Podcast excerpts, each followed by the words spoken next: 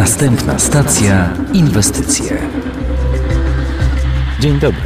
Wraz z całym zespołem Millennium Towarzystwa Funduszy Inwestycyjnych zapraszamy Cię do podcastu, w którym przybliżymy Ci świat inwestycji i rynków finansowych. Wysłuchasz tu rozmów z ekspertami, którzy pomogą Ci lepiej zrozumieć podstawowe pojęcia, mechanizmy i zależności związane z szeroko pojętym inwestowaniem na rynku kapitałowym. Prezentowane treści mają charakter edukacyjny. Nie stanowią usługi doradztwa inwestycyjnego, prawnego czy podatkowego, jak również rekomendacji do nabywania lub zbywania instrumentów finansowych. A więc jeśli już inwestujesz lub stawiasz w tym swoje pierwsze kroki, zapraszamy do wspólnej podróży. Dzień dobry. Ponownie przed mikrofonem Michał Trojanowski, Millennium TFI i zapraszam do dzisiejszego odcinka naszego podcastu, w którym spróbujemy zebrać takie najprostsze, skuteczne, choć nie zawsze intuicyjne wskazówki, którymi warto kierować się przy inwestowaniu. Od razu zaznaczam, że nie będzie to spekulacja, więc nie będziemy mówić o tym, w co, kiedy i gdzie inwestować, a skupimy się przede wszystkim na tym, jak to robić. A w tych rozważaniach pomoże mi mój dzisiejszy gość, Karol Ostałowski, dyrektor do spraw komunikacji inwestycyjnej w Millennium TFI. Witaj Karol. Dzień dobry, witam wszystkich.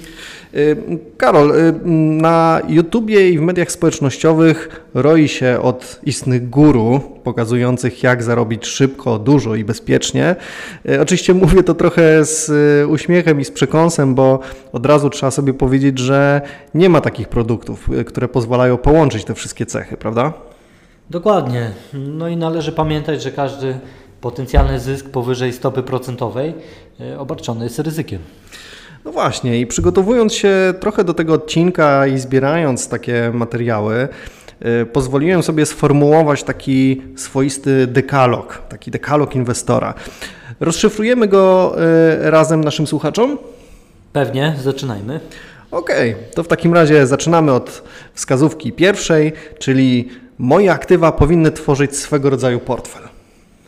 Dokładnie. E, osobiście uważam, że podejście portfelowe powinno stanowić punkt wyjścia dla każdego, kto chce lokować swoje nadwyżki finansowe. E, w takim portfelu trzeba znaleźć miejsce dla części stabilnej, opartej o depozyty, konta oszczędnościowe czy produkty strukturyzowane, które łączą się z gwarancją kapitału. No i oraz dla części wzrostowej, opartej o fundusze, produkty regularnego oszczędzania czy dedykowane E, programy emerytalne. To jest z trzeciego filaru. Cała idea opiera się nie na tym, czy coś z tych części wymienionych uwzględniać, ale w jakich proporcjach. Dokładnie. To idźmy dalej. Punkt drugi. Dywersyfikuj portfel.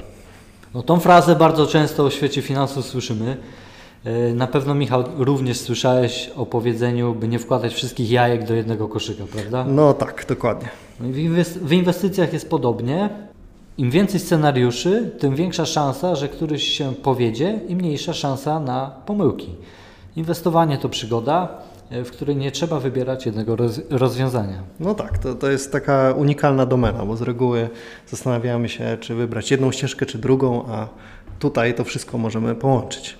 Idźmy dalej w takim razie. Numer 3. Portfel musi żyć. Porównałbym to troszkę do pogody, e, ponieważ w Polsce raczej nie chodzimy w kurce puchowej lub w klapkach cały rok, a dostosowujemy swój strój po prostu do e, pory roku, do aktualnej pogody. Tak samo powinno się dostosowywać portfel do otoczenia czy momentu cyklu koniunkturalnego. E, po prostu czasy się zmieniają, więc sposoby na pomnażanie pieniędzy też się zmieniają.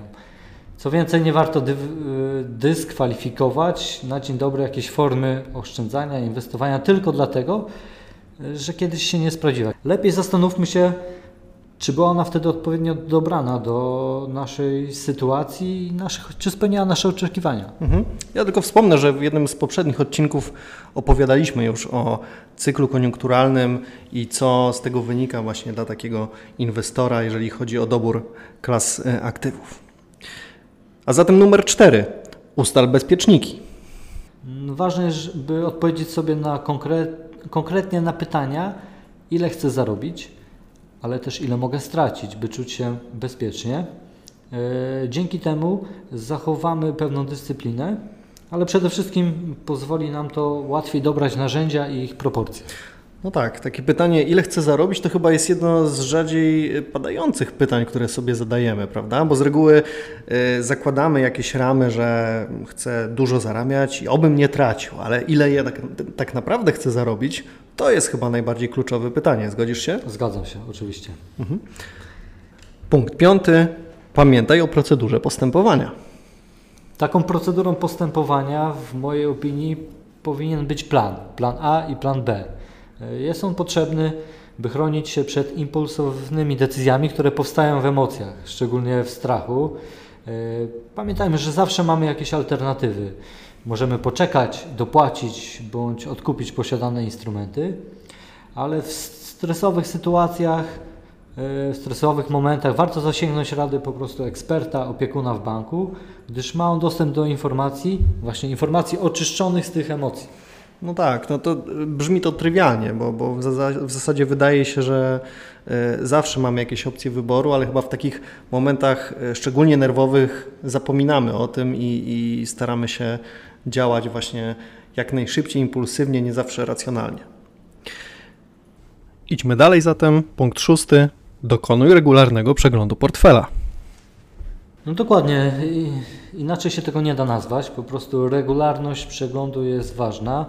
E, oczywiście trzeba ją dopasować do posiadanych rozwiązań. Nie zawsze dzienna częstotliwość jest potrzebna i można to robić na przykład miesięcznie, kwartalnie, półrocznie.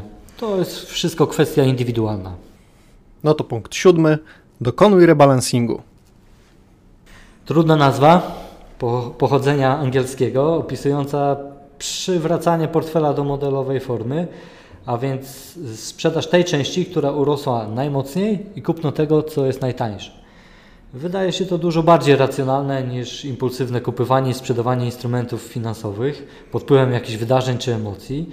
E, szczególnie gdy jest źle, to warto zastanowić się, co się zmieniło w moich planach, że chcę wywrócić wszystko do góry nogami. Zdarzały się też przypadki w historii, przykład pandemia, niedawno wybuch wojny, e, środowisko infla wysokiej inflacji, że najlepszą decyzją był po prostu brak decyzji. No tak, to też chyba jest takie naturalne, że jeżeli mamy jakiś stresowy moment na rynku, to czujemy taką bardzo silną potrzebę, żeby koniecznie coś w tym portfelu zmienić, ale często nas to może właśnie prowadzić na manowce. Nie zawsze oczywiście, ale często się tak zdarza. Dokładnie. E, historia pokazała, że e, nierobienie niczego było najlepszym rozwiązaniem. Mhm. No to punkt ósmy. Inwestuj regularnie. Regularne inwestowanie to jeden z prostszych i skuteczniejszych, jak nie najskuteczniejszych sposobów na rozpraszanie ryzyka inwestycyjnego. No również tutaj odwo odwołamy się do historii, odwołam się do historii, bo historia pokazuje, że więcej, więcej kłopotu nam sprawia próba wcelowania w każdy idealny moment na zakup i sprzedaż, niż gdy uśredniamy cenę. No tak, kolejna, kolejna pokusa chyba, prawda? No bo często chcemy yy, znaleźć ten idealny moment, żeby się wstrzelić ten tak zwany dołek, sprzedać na górce, no ale niestety czasami E, jest to, jest to po prostu ciężkie. Nikt z nas nie ma szklanej kuli. Punkt dziewiąty. Korzystaj z udogodnień i informacji. Obecnie dostęp do informacji jest łatwiejszy, e, bardziej zjadliwy. E, nie zawsze wymaga doktoryzowania się z ekonomii. Wiele instytucji udostępnia właśnie w formie pisanej, w formie audio czy wideo różne treści, z, z dziedziny ekonomii, no i warto do nich po prostu sięgać i korzystać z tych y, udogodnień, z tego szerokiego dostępu do informacji. No ja po cichu mam nadzieję, że właśnie ten nasz kanał będzie jednym z takich y, instrumentów, które wpiszą się w, to, w ten punkt y, dziewiąty, ale zobaczymy. Dobrze, i ostatni w takim razie punkt dziesiąty. Inwestuj długoterminowo. Bardzo fajnie to brzmi y, i to jest chyba najbardziej niedoceniany składnik inwestycji. W Stanach Zjednoczonych istnieją badania, które pokazują, że średni horyzont inwestycyjny znacznie się skrócił. W Polsce tym bardziej za długi horyzont inwestycyjny uznaje się rok czy dwa, e, dwa lata. Ale przecież wszyscy, wszyscy doskonale wiemy, że inwestowanie to nie sprint, a maraton.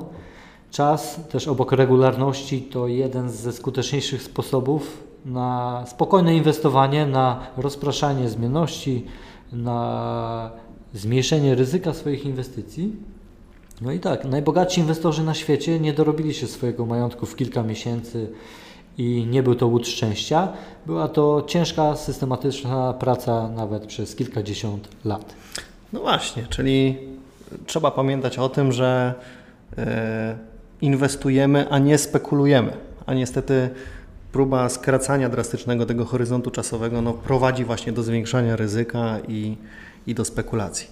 E, Karol, ja mam nadzieję, że te powyższe zasady, które przytoczyliśmy w formie takiego e, w cudzysłowie nazwijmy to dekalogu, e, pomogą naszym słuchaczom niezależnie od ich celów, od preferencji, od wybranych instrumentów. I z tego dekalogu rodzi mi się w głowie jedno takie podsumowanie, że najważniejsze chyba to trzymać się planu, prawda? Zgadzam się z tym. Moim zdaniem e, jest najwa najważniejsze jest to, aby taki plan stworzyć i przemyśleć, niż potem żonglować różnymi instrumentami. No i takiego indywidualnego, wzorowego planu życzę każdemu z naszych słuchaczy. Karol, bardzo Ci dziękuję w takim razie za e, rozmowę i do usłyszenia. Ja również dziękuję i do usłyszenia.